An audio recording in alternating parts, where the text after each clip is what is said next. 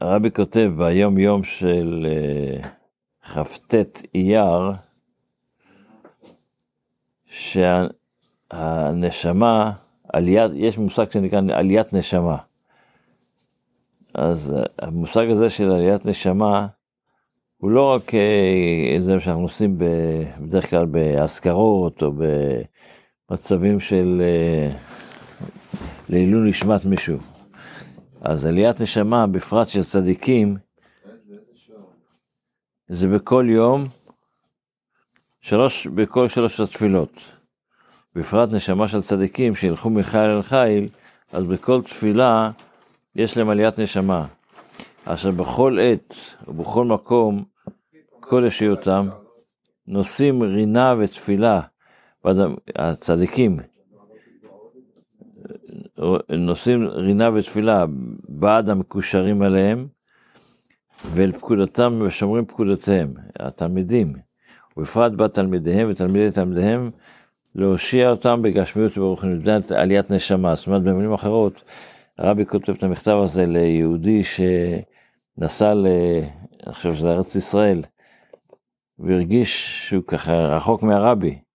אז הרבי אומר לו, תדע, אצל צדיקים, בזמן התפילה, יש להם עליית נשמה והם דואגים לכל החסידים שלהם, לכל התלמידים שלהם, שיהיה להם את כל הפרט, את כל, כי זמן תפילה זה זמן שמבקשים את צרכי האדם, אז הצדיקים, יש שהם מרגישים שהם, חלק מהם זה גם התלמידים וגם השליחים, וכל, אז בזמן התפילה זה זמן מיוחד שבהם אה, הרבי, הצדיקים, דואג על התלמידים שלו.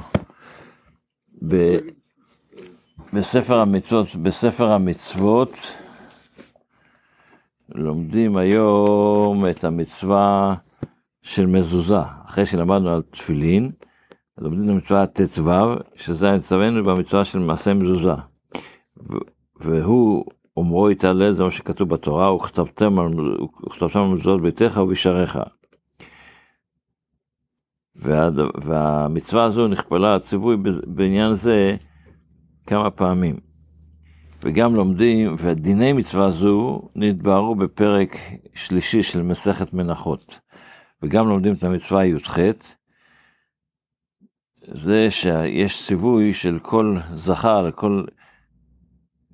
יהיה ספר תורה לעצמו. כל אדם שיהיה לו, כתוב, יש מצווה שכל אחד יכתוב ספר תורה לעצמו.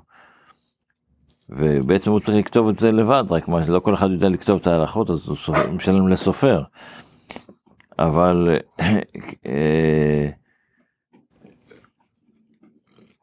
איך שכתוב במסכת מנחות, כתבו מעלה עליו הכתוב, אם, אם אדם כתב ספר תורה, מעלה עליו הכתוב, כאילו קיבלה מהר סיני. ואם אי אפשר לו לכתבו בידו, אז הוא חייב לקנות או לבקש מישהו אחר, לשלם למישהו שיכתוב בשבילו.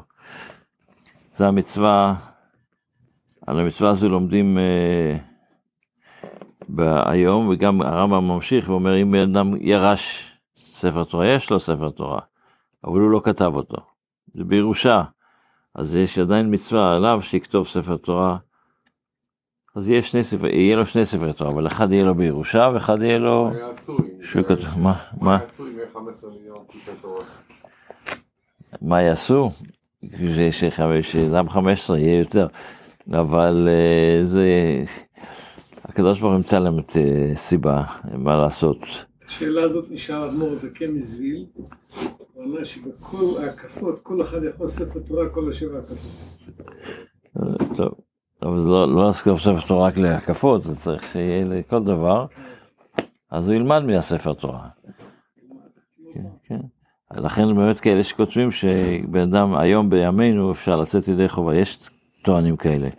וזה שאתה קונה ספר, ספר ולומד אותו, ספר אפילו מודפס.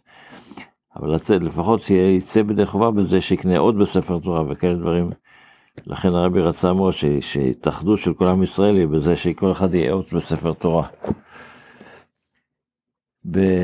בתפילה אנחנו עדיין בשש זכירות. אז איך אה, שאמרנו, אריזל תיקן שבנוסף לזכירות שאנחנו אומרים בברכות קריאת שמע אז אה, אנחנו גם צריכים בסוף התפילה להגיד את השש סחירות, אבל אה, יש איזה עניין מיוחד, אם ירצה השם להסביר את כל את העניין של הסחירות מחר. לא אמרנו כלום על זה. אני רק מזכיר שעשו סחירות.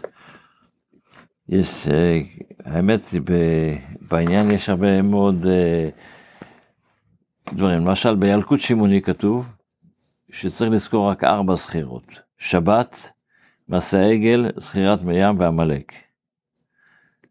אה, אבל האריזה טוען שצריך לזכור שש סחירות. יש כאלה שטוענים עשר סחירות. רמב"ם טוען כן, אה? אה? רמב"ם זה יותר. כן, יש, יש עשר זכירות, אז זה ההבדלים בעניינים האלה, וצריך להבין את המ...